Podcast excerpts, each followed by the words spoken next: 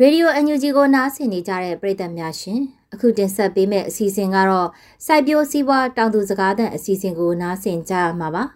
မုံတိုင်းတန်ခံရတဲ့ရခိုင်ပြည်နယ်မှာအရင်းနှီးအခက်ခဲကြောင့်တီးနှံစိုက်ပျိုးဖို့အခက်ခဲရှိပြီးစနစ်တကျပြန်လည်ပြင်ဆင်ဖို့လိုအပ်နေတယ်လို့ဒေသခံတွေကပြောဆိုလိုက်ပါတယ်ဒီသတင်းကိုမကြေးမုံကပေးပို့ထားပါတယ်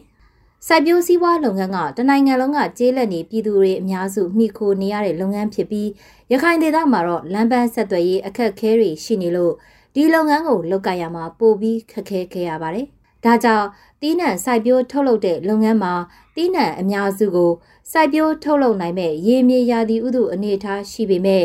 ဈေးကွက်မဖွင့်ပြိုးခဲ့လို့တီးနှံတွေကိုအရေးသွေးအပြည့်အဝနဲ့ပမာဏများများထုတ်လုပ်နိုင်ဖို့လိုအပ်ချက်တွေရှိနေပါတယ်။ ဒါပြင်မနစ်ကရခိုင်ပြည်နယ်မှာမိုးခေါင်ခဲ့တဲ့အတွက်အောင်ရမရဖြစ်ခဲ့ပြီးစပားအထွက်နှုံးတွေထက်ဝက်အထိရော့ကျခဲ့တယ်လို့ကြောက်တော်မြို့နယ်မှာလယ်သမားတွေကပြောပါတယ်။ဒီနှစ်မိုးခေါင်မုန်တိုင်းတိုက်ခတ်ပြီးတဲ့နောက်တီးနှံစိုက်ပျိုးမဲ့ဈေးစကားတွေကိုပျက်စီးသွားတဲ့နေအိမ်အဆောက်အုံတွေပြင်ဆင်ရမှာထဲ့သွင်းအသုံးပြုလိုက်ရတဲ့အတွက်လဲလေယာလုပ်ငန်းလုပ်ကင်ဖို့ငွေကြေးအရင်းကြီးအခက်ခဲတွေရှိလာပါတယ်။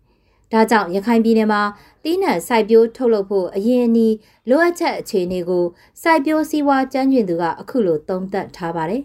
ရခိုင်အတွက်ကတော့ နံပါတ်1ပြောရရင်တော့ အရင်ကြီးကတော့ လုံးဝလိုတယ်ပေါ့နော် အခုဟာက တကယ်ကို မုံတိုင်းထိသွားတဲ့ကြောက်တော် မင်းပြဟိုဘက်က ရွာတွေတော်တော်များဆိုလို့ရှိရင်ဒါလေလေသမားတွေလည်းပါတယ် ငါးဖမ်းသမားတွေလည်းပါတယ် နောက်အချင်းချင်းရဲ့ site တွေလည်းပါတယ် ပြီးတော့ငကိုတဲ့မှာရခိုင်ရဲ့ဈေးကွက်က မဖွံ့ဖြိုးဘူးပေါ့နော်ဒီမနဲ့ အဆက်တွေပြတ်တာတမင်နောက် လမ်းမဆက်တွေအခုဆိုလို့ရှိရင်ဒါဒါပုံနှကျိုးတို့ပါတော့ဆိုလို့ရှိရင်ဒါကျွတ်တွေနဲ့ နီးတဲ့နေရာတွေဆိုလို့ရှိရင်အာဟိုလွယ်လွယ်လေးဒါကားလမ်းနဲ့ရတယ် ဒါပေမဲ့ဒီဘက်က ပေါက်တိုးလို့ပါတော့ဆိုလို့ရှိရင် စက်တွေနဲ့သွားမယ် အဲ့တော့ အခုကဘာဖြစ်နေလဲဆိုတော့ အရင်အကြီးမရှိဘူး ဖြစ်နေတာပေါ့နော် အဲ့တော့အာအရင်ကြီးကတော့ဒီချမ်းသာတဲ့လူတွေကသူ့ပြန်မိုးမယ်ဟလာလုပ်ငန်းပြန်ထောင်လို့ရတယ် ဒါပေမဲ့ဒီဂျွာတွေမှာကျတော့ တကယ်အခြေခံလူရန်သားနဲ့ဒီလက်လုံလက်သားတွေပေါ့တေးသားလက်သမားတွေပေါ့ဒီစိုက်တဲ့သူတွေအားလုံးရောဒီလက်လုံလက်သားတွေအားလုံးအရင်ကြီးလိုတီးနှံစိုက်ပျိုးထုတ်လုပ်နိုင်တဲ့အခြေအနေရောကျလာတာနဲ့ပတ်သက်ပြီးကြောက်တော်မြို့နယ်မှာလေဧကတရားကျော် စိုက်ပျိုးထုတ်လုပ်နေတဲ့ လယ်သမားတဦးက အခုလို ပြောပါတယ် ရောကြစီတဲ့အကြောင်းကတော့အတိကငွေပေါ့နေသမားလက်ထက်မှာငွေကသိမရှိဘူး။တော့အတိဖို့နေပြီးတော့ငွေမရှိဘူးပေါ့။ငွေမရှိတော့အဲ့ဒါငွေလိုတယ်။အဲ့ဒါလေတိုက်ဖို့ဆိုလေပတ်စံလိုတယ်လေ။အဲ့ဒါငွေလိုတယ်။နောက်ပြီးတော့ထွန်ရမှု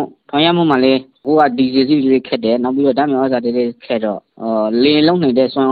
ရောနေလာတာပေါ့။အဲ့တော့တွန်းအောင်စုတွေလိုတယ်။ နောက်ပြီးတော့ထွန်ရဖို့ထွန်ရမှုတွေလိုတာပေါ့။အရှိန်မီခါမီထွန်မယ်။တွန်းအောင်စုလေးကောင်းကောင်းထိမယ်ဆိုလို့ရှိရင်ဒါဒါသဘောရောစရာအကြောင်းမရှိဘူး။အဲ့လိုဖြစ်တယ်။အဲ့လိုပုံစံမျိုးပေါ့နောက်တစ်ဆင့်ကဘယ်လိုလဲဆိုတော့ဒီမိုးခေါင်လို့ရှိရင်အဲ့ဒါအဲ့ဒါနေတော့ခက်ခဲခင်မှာပေါ့လေမိုးဥမာခွန်ခနဲ့ကဆိုရင်မိုးခေါင်တယ်မိုးမရွာဘူးဟိုရတူတို့ဖောက်ပြန်တော့ဟိုဆိုလာစနစ်က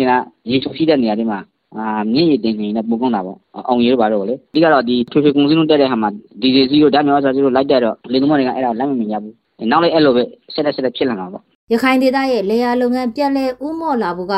ဒီလုပ်ငန်းမှာအခြေခံကျတဲ့မျိုးကောင်းမျိုးတန့်လိုအပ်ချက်က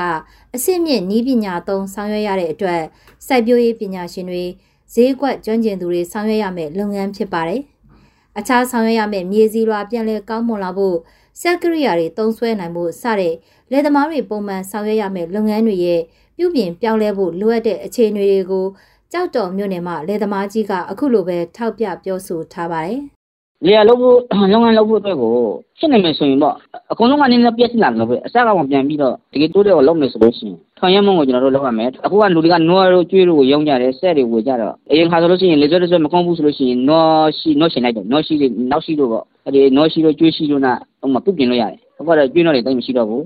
နောက်တစ်ခုကလေတော်သူတယောက်မှာအခက်အခဲရှိတယ်ဆိုတော့အိမ်မှာဟိုမှာတမ်းပြောဆောင်ကြည့်ကြည့်လို့မရဘူးနောက်ပြီးတော့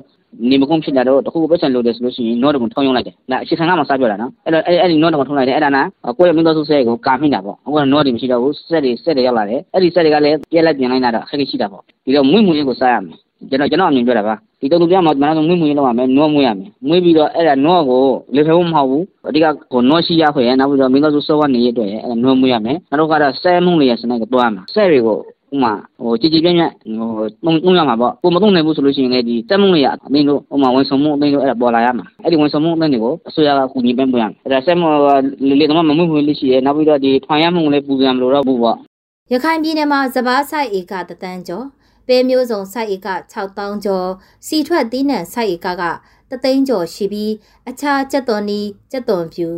အာလူဟင်းသီးဟင်းရွက်ရာဘာအုံပရစေး တတိဝလံစတဲ့သီးနှံတွေကိုစိုက်ပျိုးထုတ်လုပ်နေပါတယ်။ဒီလိုစိုက်ပျိုးထုတ်လုပ်နေပေမဲ့လန်ဒရာဆယ်မြောင်းလို့အခြေခံအဆောက်အုံပိုင်းမဖွင့်ပြိုးတဲ့အပြင်အရင်းနှီးလိုအပ်ချက်များပြီးဈေးကွက်မဖွင့်ပြိုးတာတွေကြောင့်ဒေသတွင်းစားသုံးမှုမဖူလုံတဲ့အတွက်အခြားတိုင်းနဲ့ပြည်နယ်တွေကတည်ယူသုံးဆောင်နေကြရတာဖြစ်ပါတယ်။အခုတင်ဆက်ပေးခဲ့တဲ့မြေပြင်သတင်းအကြောင်းအရာတွေကိုတော့ Radio NUG သတင်းတောက်မတ်ကျေးမုံကပေးပို့ထားတာဖြစ်ပါတယ်ရှင်။